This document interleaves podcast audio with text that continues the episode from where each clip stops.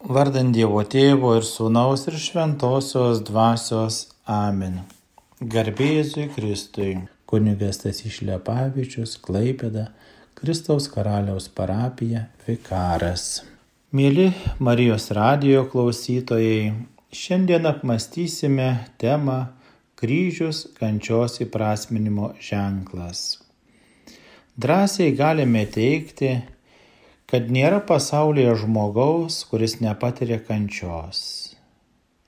Tik mums krikščionėms, katalikams, kurie esame Jėzaus mokiniai, yra lengva įprasminti savo gyvenimą, savo gyvenimo dienas, rūpešius, vargus, jungiant visą tai su viešpačiu Jėzumi, jungiant viską į viešpaties Jėzaus gyvenimą, jį apmastant ir tada mūsų kančia, mūsų rūpeščiai, mūsų vargai įgauna kitą prasme, jeigu mes juos jungiame su Kristumi. Brangus broliai seserys, noriu šiandien pradėti apmąstymą nuo to įdomaus momento, kai viešpats Jėzus grįžo į savo tėviškę. Kai jis parėjo į savo tėviškę, kas atsitiko? Daugelis sakė, Argi jis nedailidė, ne Marijos sūnus, Jokūbo, Jozės, Judo ir Simono brolis? Argi jo seserys negyvena čia pas mus? Ir jie piktinosi juo. Brangus broliai seserys Marijos radio klausytojai, iš tikrųjų Jėzus yra pasakęs, kai būsiu pakeltas nuo žemės, visus patrauksiu prie savęs. Ir mums yra turbūt daugeliu atveju labai įdomu ir keista, kodėl patys artimiausi nenorėjo priimti viešpaties Jėzaus. Jau žinojo jo padarytus stebuklus, žinojo daug jo jau minčių, kalbų pasakytų, kad žmogus būtų laimingas. Ir štai jie piktinosi, bet brangus broliai seserys ir tas jų piktumas iš ko išėjo, sako, argi jis ne iš mūsų krašto. Juk ar jis, argi jis nedailidė? Iš tikrųjų, sako, jis mokėsi pas Juozapą, iš jo paveldėjo profesiją, kas jis vienas. Ir nuostabu galvoti, brangus broliai seserys, apie jo rankas. Juos atlieka tokius galingus Dievo darbus, bet pirmiausia, juos išmoko pačios dirbti, o ir paskui darbavosi visą gyvenimą, kol norimo prikaltos prie kryžiaus medžio. Taigi, brangus broliai seserys, mes šiandien apmastydami kryžius kančios įprasminimo ženklas, turime būti be galo jautrus artimui, jautrus įvairiausiems dalykams ir viską turime reikiuoti taip, kaip prašė viešpats Jėzus, kad būtų dangiškojo tėvo valia, pas kiekvieną iš mūsų irgi turėtų atsirasti, ir štai jau esame gavėnios pradžioje, tas troškimas dar labiau įsimastyti tą begalinę meilę. Juk mes galime drąsiai sakyti, kad juk mūsų visų žvilgsnis krikščionių, tikinčių žmonių yra į Kristaus kryžių per, dabar per prisikėlimo džiaugsmą. Mes įsimastome į tą kančią, apmastome, bet vis tiek veidė yra šypsena, džiaugsmo trupinėliai, nes žinome, kad po kančios, po vargo mes einame į Velykų rytą, į Velykų džiaugsmą. Todėl, brangus broliai seserys, labai gražiai ir prasmingai knygoje toks mūsų tikėjimas, autorius vaizdžiai aprašo žmogaus prisikėlimą. Gyvenimas Tikrasis gyvenimas manie sustiprėjo, kai išmokau skaityti Evangeliją. Prisikėlimas prasideda su pirmąja raukšlė, išriškėjančia veide, pasirodančia ant mūsų rankų, su pirmąja savaitės diena, su pirmais žilais plaukais, kuriuos pastebim vieną dieną šukuodamiesi, su pirmu ilgesio atodusiu, kai nostalgiškai lydime pasaulį, kuris staiga ištirpsta ir nutolsta. Taip prasideda prisikėlimas, prasideda ne tai, kas miglotai vadinama kitų gyvenimu. Tai tas pats gyvenimas tik kitoks. Mylimi broliai seserys. Mes, kai atliekame kasdien savo darbus, pareigas, mes turime stengtis viską sujungti su Kristumi, apmastyti, kaip jis elgtųsi vienoje situacijoje ar kitoje. Bet štai man prisimena Jobas. Kas be atsitiko jo gyvenime ir kas be atsitiktų mūsų žmonių gyvenime, svarbiausia išsaugoti ryšį su viešpačiu. Atrodo, Jobas tiek nuskriaustas, tiek praradęs bičiulius, iš bičiulių patyręs kartų žodį, jisai sako viešpats davė, viešpats atėmė, viešpats vėl duos. Ir iš tikrųjų Jobo pavyzdys yra mums visiems labai sektinas saugant ryšį su viešpačiu, saugant ryšį su Dievu, saugant ryšį su nukryžiuotoju, kurį mes puikiai pažįstame, kurį mes apmastome, dalyvaudami mišiaukoje, skaitydami Bibliją, skaitydami Dievo žodį kasdien. Taigi mes turime visas galimybės vis giliau ir giliau pažinti Jėzų. Bet svarbiausiai, kad mumyse atsirastų tas begalinis troškimas, begalinis noras pažinti viešpatį Jėzų. Vienoje Prancūzijos parapijoje po didelių ir pavykusių misijų šeimų galvoms buvo dalyjami su gausiais atlaidais misijų kryžiai. Mat po prancūzų revoliucijos audros daug kur šeimose kryžiai buvo išnykę. Bebaigiant dalinti kryželius prie misionieriaus prisartino vienas nedrasus ir nuskurdęs piemenukas, kuris irgi paprašė kryžiaus. Misionierius kažkodėl jam kryžiaus pašykštėjo ir paklausė, tu esi toks mažas, tu neturi šeimos, tai kam tau kryžius? Gal turi namus ir tėvus namuose? Aš namų neturiu, aš našlaitis. Nedrasiai jam atsakė berniukas. Tai gal turi atskirą kambariuką, misionierius suminkštėjo. Ne, neturiu. Aš gyvenu arklidėse. Tai kam tau reikia kryžiaus ir kur tu jį pagaliau pakabinsi? Aš jį padėsiu dėžutę, kurią turiu su savimi prie guolio. Tai kam jis tau tenai pagaliau reikalingas? Aš esu vienas pasaulyje. Aš neturiu nei vieno čia pažįstamo draugo. O aš labai norėčiau turėti gerą draugą. Taigi aš noriu kryžiaus, nes gal Kristus panorės būti mano draugu. Toks nuoširdus ir atviras berniuko prisipažinimas ir toks gyvo tikėjimo pareiškimas sugraudino iki sielos gelmių ne tik misionierių, bet ir aplink stovintiesiems ne vieną ašarą iš akių išspaudė. Misionierius padavė jam gražų naują kryželį, o laimingai nušvitęs berniukas pirmiau jį prispaudė prie lūpų, o paskui prie krūtinės ir visas linksmai nusiteikęs bėgte nubėgo namo. Taip, broliai seserys, Marijos radio klausytojai, Nukryžiuotasis nori būti ir tavo draugu.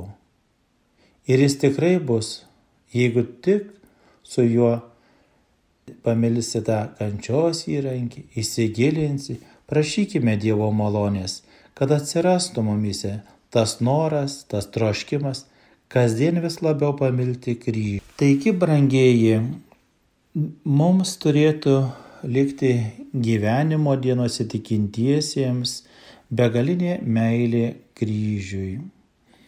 Juk Jėzus Nikodemui gražiai sakė, niekas nebuvo pakėlęs į dangų, kaip tik žmogaus sūnus, kuris nužengė iš dangaus. Kaip Mozė dykumai iškėlė žalti, taip turi būti iškeltas ir žmogaus sūnus, kad kiekvienas, kuris įtiki, turėtų amžinai gyvenimą. Broliai seserys, mes amžinai gyvenimą gausime tik per kryžių. Nes Dievas yra taip pamilęs pasaulį ir, ir jis nori, kad niekas iš mūsų nepražūtų.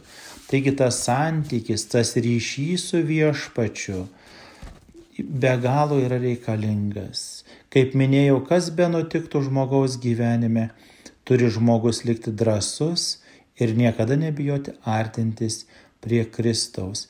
Nesvarbu, kokios kančios jie aplankytų, kokie vargai, svarbiausia išsaugoti tą ryšį su viešpačiu, nes Dievas būtent ir ėjo į žemę. Dievas todėl ir sunaikino Adomo nuodėmę, todėl, kad žmogus būtų laimingas. Jis pirmasis vis eina, jis pirmasis vis ieško žmogaus veido, jis pirmasis pasilenkė prie žmogaus. Todėl žmogus patyręs tiek daug turtų iš Evangelijos, iš Jėzaus mokymo, neturėtų turėti noro, drąsos nusigręžti nuo Jėzaus, bet turi būti be galo drąsus visose gyvenimo dienose ieškoti viešpaties. Taigi prašykime Dievo malonės, kad nebijotumėmės prisimti viešpaties kryžiaus, kad nebijotume prisimti jo kančios, nes kiekvieną dieną mes galime įprasminti būtent būdami atlikdami pareigą su Kristumi. O kančios yra, buvo ir bus. Bet ta kančia yra lengvesnė, kai tu neši dviesėje, o Jėzus kaip tam piemenukui yra didžiausias draugas. Taigi prašykime tos didžiosios Dievo malonės, kad ir mes eidami žengdami į Velykų džiaugsmą, apmastydami savuosius gyvenimus, prašykime, kad Kristus liktų tą šviesą mums. Apreiškimo knygoje sakoma, nakties nebebus, jiems nereikės nei žiburio, nei saulės šviesos, nes viešpas Dievas jiems švies ir jie viešpataus per amžius, mylimi broliai seserys.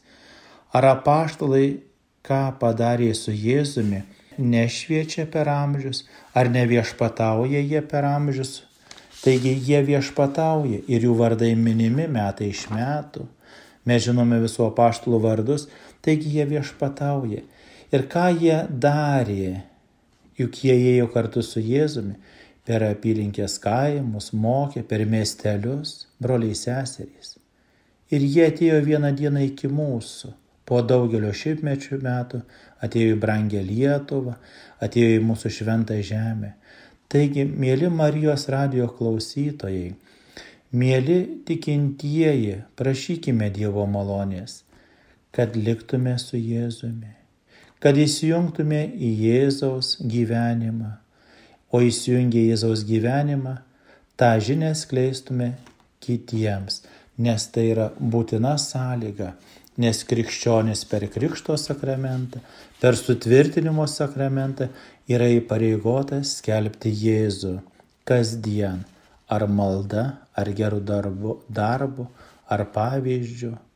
O visada suklupęs žmogus gali skubėti prie sutaikinimo atgailos sakramento. Dievui nėra nemylimo žmogaus, Dievas visada ieško žmogaus. Taip kaip Elena 326 metais, viešpaties metais, šventoje Elena, Romos imperatoriaus Konstantino motina, atrado tikrą Jėzaus kryžių šalia tos vietos, kurią ištisos tikinčiųjų kartos gerbė kaip nukryžiavimo kalną. Atradus kryžių, visi dalyvavusiai suklupę sušuko viešpatie pasigailėk. Toje vietoje buvo pastatyta šventojo kapo bažnyčia. Joje pagarbiai iškeltas rastasis kryžius. Bažnyčia konsekruota 335 metais, rugsėjo 13, o kryžiaus išaukštinimo šventė kasmet švenčiama rugsėjo 14 dieną. Štai kiek prabėgo laiko, o ta diena neužmiršta. Po 300 metų kryžių kaip grobį išsivežė Persijos imperatorius. Tačiau po 14 metų jis buvo atgautas. Romos imperatorius Heraklijus jį atgabeno į Konstantinopolį, kuris vėl buvo pergalingai iškeltas. Ši trumpa kryžiaus istorija šiek tiek panaši mylimi broliai seserys, myli Marijos radio klausytojai, manyčiau yra panaši į mūsų tikėjimo kelionę. Pavyzdžiui, regėdami kryžiaus šlovę ir Jėzaus už mus ant kryžiaus sudėtą auką džiaugiamės. Ypatingai Velykų ryte kiek būna džiaugsmo. Dėkingomis širdžiamis sakome, viešpatie myliu tave, pasigailėk manęs. Po kurio laiko priprantame prie šios išganimo dovanos, jos imame tarsi nebematyti. Taip to iki galo nesuvokdami palaidojame kryžių. Jį užgožė mūsų reikalai, rūpeščiai, darbai, kasdienybė. Vėliau sujaudinti kokios nors nelaimės, skaitomos knygos, įtaigios homilijos atkasame kryžių ir vėl jį iškeliame pagarbinti. Jį iškeliame savo širdies šventovėje. Kiek laiko praėjus vėl išsiblaškome žvilgsnį nukreipiame kitur. Tada ateina stipresnis priešas ir mus nugali. Pavagė iš mūsų kryžiaus džiaugsmą, Velykų džiaugsmą. Galiausiai su nauju ryštu susigražiname kryžių ir vėl sakome, Jėzau aukštinu tavo kryžių, jis mano skydas ir pamatas, viešpatie pasigailėk mūsų, manęs pasigailėk brangus broliai seserys, Marijos radijo klausytojai, gilaus tikėjimo liudytojai ir nenuilstantis maldos vyrai ir moterys, mielas jaunime. Iš visų jėgų aukštinkime kryžių ir te būna jis pats svarbiausias mūsų gyvenimo pamatas ir ramstis. Taigi, mąstydami apie kryžių, kančios įprasminimo ženklą, galėtume pacituoti pirmąjį laišką korintiečiams. Žydai reikalauja stebuklų, graikai ieško išminties, o mes kelbėme Jėzų nukryžiuotai, kuris vieniems yra papiktinimas, kitiems kvailystė, bet pašauktiesiems Dievo galybė ir Dievo išmintis, broliai seserys. Čia yra išmintis, aiškiai apaštalas Paulius sako. Čia yra Dievo išmintis, nes Dievas nuginkluoja žmogų savo bejėgiškumu, savo meilę. Jisai leidžiasi išjokiamas, leidžiasi, kad visi tyčiotųsi iš jo. Ir dabar mes matome daug sunaikintų bažnyčių, išniekintų, bet Kristus tebekenčia tyliai. Taigi, brangus broliai seserys, dėkojame mes patys savąją tikėjimo dovaną. Nes tik per kryžių ateina mums išganimas. Tik per kryžių. Jis mus atpirko savo kančia, kiekvieną asmeniškai, savo mirtimi ant kryžiaus. Jis parodo mums Kalvarijos kalno viršūnę, parodo tą meilės auką. Jis mus iš piktukų iš nuodėmės rūstybės vaikų padarė Dievo vaikais. Taigi kryžiaus medis yra kiekvienos palaimo šaltinis. Ypatingai norėčiau atkreipti dėmesį, brangus broliai seserys, miela visa Dievo tauta, pažiūrėkime, kaip mes atliekame kryžiaus ženklą. Kaip mes jį atliekame, kur mes skubame Tai pati trumpiausia ir gražiausia malda, kai žmogus žengnojasi, palaimina save ir pagarbina triesmenį Dievą. Taigi labai būtų gražu, kad šioje gavėnioje mes permastytume, pažvelgtume atsistoję prieš veidrodį, kaip atliekame kryžiaus ženklą, kaip mes jį darome. Ar irgi skaudiname Jėzų, blaškydami nuo savęs kažkokius tai vabalėlius Ar mes esame tie tikrieji krikščionys, kurie sąžiningai, kol rankelės dar neskauda, kol galime rankelės pakelti prie kaktos, prie minties, prie širdies, prie kairio dešinio pėties. Prašykime Dievo malonės ir šventosios dvasios dovanos, kad mes, krikščionys, katalikai, ypatingai gerbtume kryžių, atlikdami pagarbiai kryžiaus ženklą. Taigi, broliai seserys, nes tik kryžiuje yra gyvenimas. Šventasis Leonas sakė, tiems, kurie tiki, per kryžių iš silpnumo yra teikiama stiprybė, iš gėdos garbė, iš mirties gyvenimas. Tai patvirtina Šventasis Leonas. Broliai seserys, prašykime Dievo malonės, kad ir toliau semtumėmės jėgų iš kryžiaus, nes kryžiuje yra gyvenimas. Jis padeda mums nugalėti nuodėmę, suteikia prisikėlimą, kasdien duoda jėgų, ypatingai ir šiame laikmetyje, kai yra tiek sunkumų visame pasaulyje, mes prašykime Dievo malonės, kad tuos sunkumus pakeltume su kryžiaus pagalba, su pagarba kryžiui, nes tik per kryžių mums atidaryti yra rojaus vartai. Mes tampame Dievo vaikais, tampame jo palikonėmis. Pirmajame Petro laiškė sakoma, Kristus nuvedė iš tamsybių į savo stebuklingą šviesą. Taigi Kristus yra šviesa, Velykų ryto šviesa, Taigi, broliai seserys, kryžiuje yra prisikėlimas. Kiekvienas iš mūsų trokšte trokštame būti prikelti taip kaip lozorius. Trokštame būti prikelti kaip Kristus. Nes Kristus parodė, kad žmogus bus prikeltas, pavyzdžiui, per lozoriaus asmenį. Žmogus bus prikeltas per Kristaus asmenį. Taigi, kai mes apsivalysime nuo nuodėmių, kai prašysime Dievo malonės, kad jis ir toliau mus stiprintų, ypatingai prašydami švenčiausios mergelės Marijos užtarimo, kuri buvo po kryžiumi ištikimai nepasitraukdama. Taigi ir mes, broliai seserys, pasieksime tą prisikėlimo džiaugsmą. Bet dar truputį reikia padirbėti, atlikti pareigą šioje žemėje, prašyti Dievo malonės, kad užmigę Kristuje galėtume su juo prisikelti amžinajam gyvenimui. Todėl, brangus broliai seserys, kas mums lieka krikščionėms?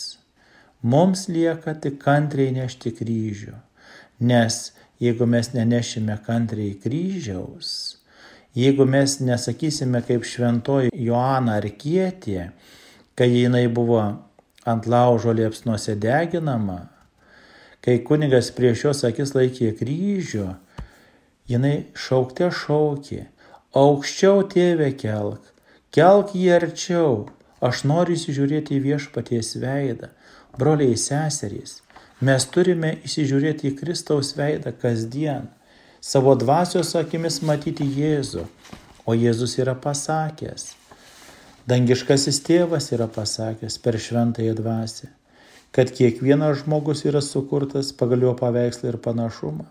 Taigi mes Jėzaus veidą kur galime matyti? Savo brolio, savo sesers veidę.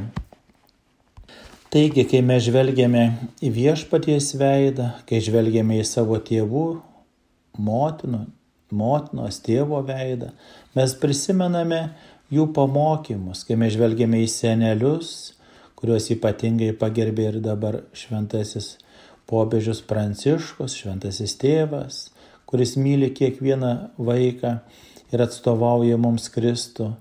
Ir mus irgi paragina pažvelgti į kiekvieną žmogų. Štai toks gyvenimiškas dar epizodėlis.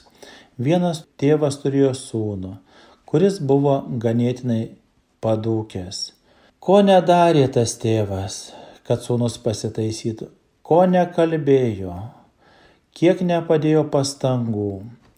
Ir štai atėjo mirties dienos, pasivadina sūnų, tėvas ir sako, visą sūnelį turtą palieku tau, bet noriu tik tai, kad gautum tu jį su viena sąlyga.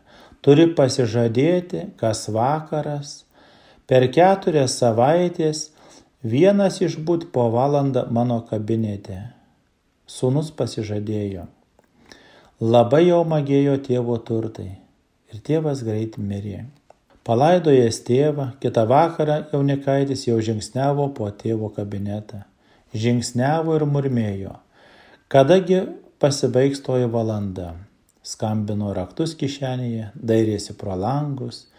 Kas minutė žiūrėjo į laikrodį, o ta valanda kaip nesibaigė, taip nesibaigė. Giten visa draugų kompanija jau susirinkus, užia, linksminasi. Ir kai pabaigęs tą valandą atsidūrė triukšmingam jų būry, visi užjautė vargšą, tėvo despotizmo auką ir stengiasi atlyginti už sugaištą valandą. Taip slinko diena po dienos, Tos vakarinės valandos darėsi kas kart įkyresnės. Viską išbandė vaikinas joms trumpinti. Kartą iš nuobodumo ėmė galvoti, kamgi tėvas uždėjo tokią įkyrę pareigą. Keturias savaitės po valandą prabūti tėvo kabinete. Ir neradęs atsakymo, nuėjo prie tėvo portreto, pasižiūrėti į tą originalų senį kuris tokią nesąmonę jam kankinti sugalvojo. Įsižiūrėjęs pamatė daugelį įdomių smulkmenų. Rimtos tėvo akis, malonus veidas, taip gerai pažįstami bruožai, daug ką jam priminė. Susimastęs vaikinas nuo portretų nuėjo prie veidrodžio ir ėmė žiūrėti į save, lyginti su tėvu, daryti pastabas ir nepajuto, kai praėjo ta valanda. Šį kartą net pasivėlino į draugų būrį. Kitą kartą nuėjęs į kabinetą, pavaikščiojo, pažiovavo, neturėdamas ką daugiau daryti, atsisėdo prie tėvo stalo. Ėmė žiūrėti čia sudėtus mažmožius fotografijas. Štai čia jis pats, dar mažas berniukas, pasišiaušusiais plaukais. Čia jo motina, ji jau mirus, seniai mirus. Tokia buvo maloni. Kasdien vakare būdavo jį paguldydavo, švelnę savo ranką peržengnoja jam galvelė, moko būti geru, mylėti dievulį. O kaip gera tada būdavo. Kaip jis mylėjo mamą ir dievulį. Jau seniai buvo užgesę aplinkui žiburiai Gili tyla visur jau viešpatavo, kada vaikinas pasijuto, kur esas ir ką veikęs, ir pirmą kartą liko nenuėjęs į linksmąją draugų kompaniją. Kai suėjo keturios savaitės, jis nuėjo pas draugus, kad su jais atsisveikintų. Aš jau žinau, pasakė jis jiems, ko mano tėvas norėjo iš tų atsiskirimo valandų ir aš vykdysiu jo valią. Aš dirbsiu ir gyvensiu, kaip Dievas įsakė. Brangus broliai seserys, Marijos radio klausytojai.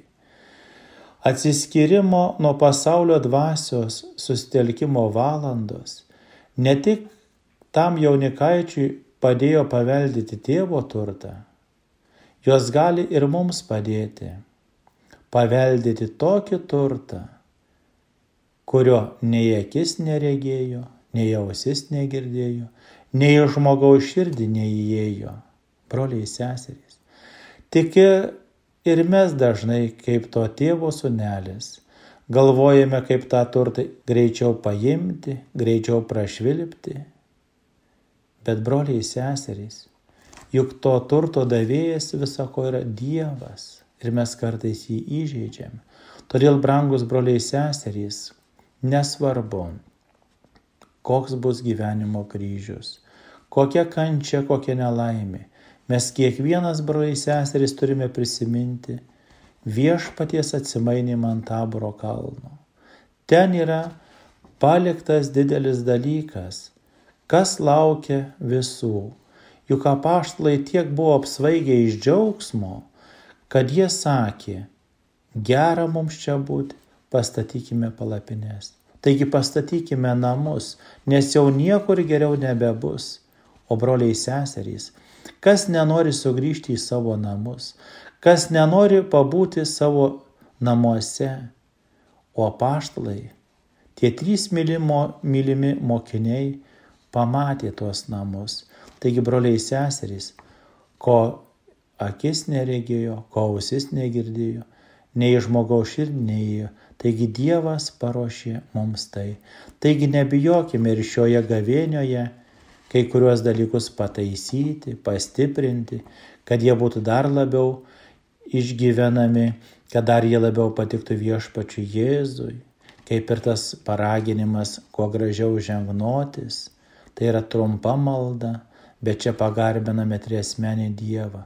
Todėl, brangus broliai seserys, prašykime Dievo malonės, kaip ir maldingoji Judita Betulijoje.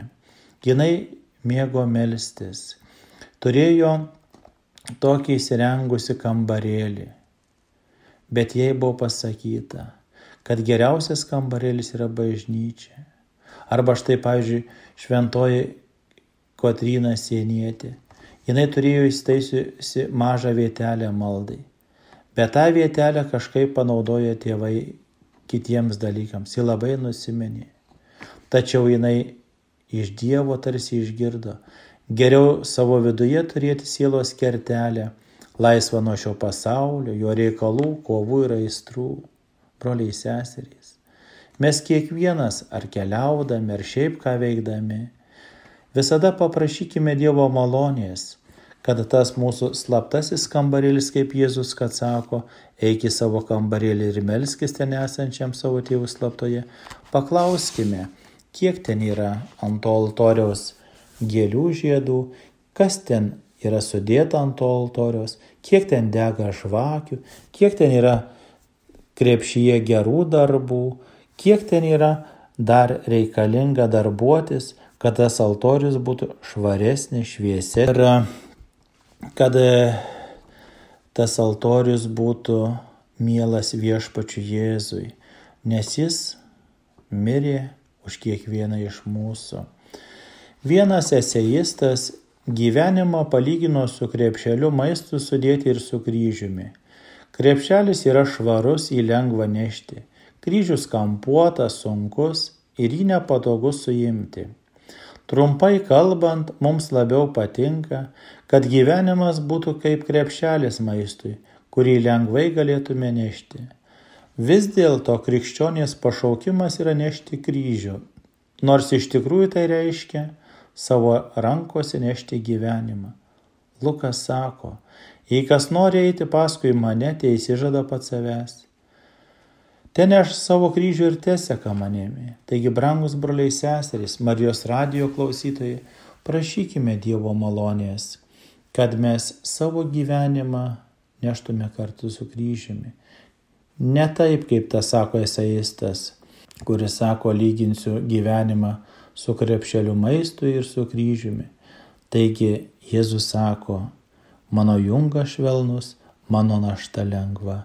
Taigi kančios įprasminimo ženklas kryžius, jeigu mes jį priimame pagal savo jėgas, pagal savo galimybės ir jeigu pavedame Jėzui savo silpnumą, savo trapumą ir jam pasakome visą tai, kas reikalinga jam žinoti.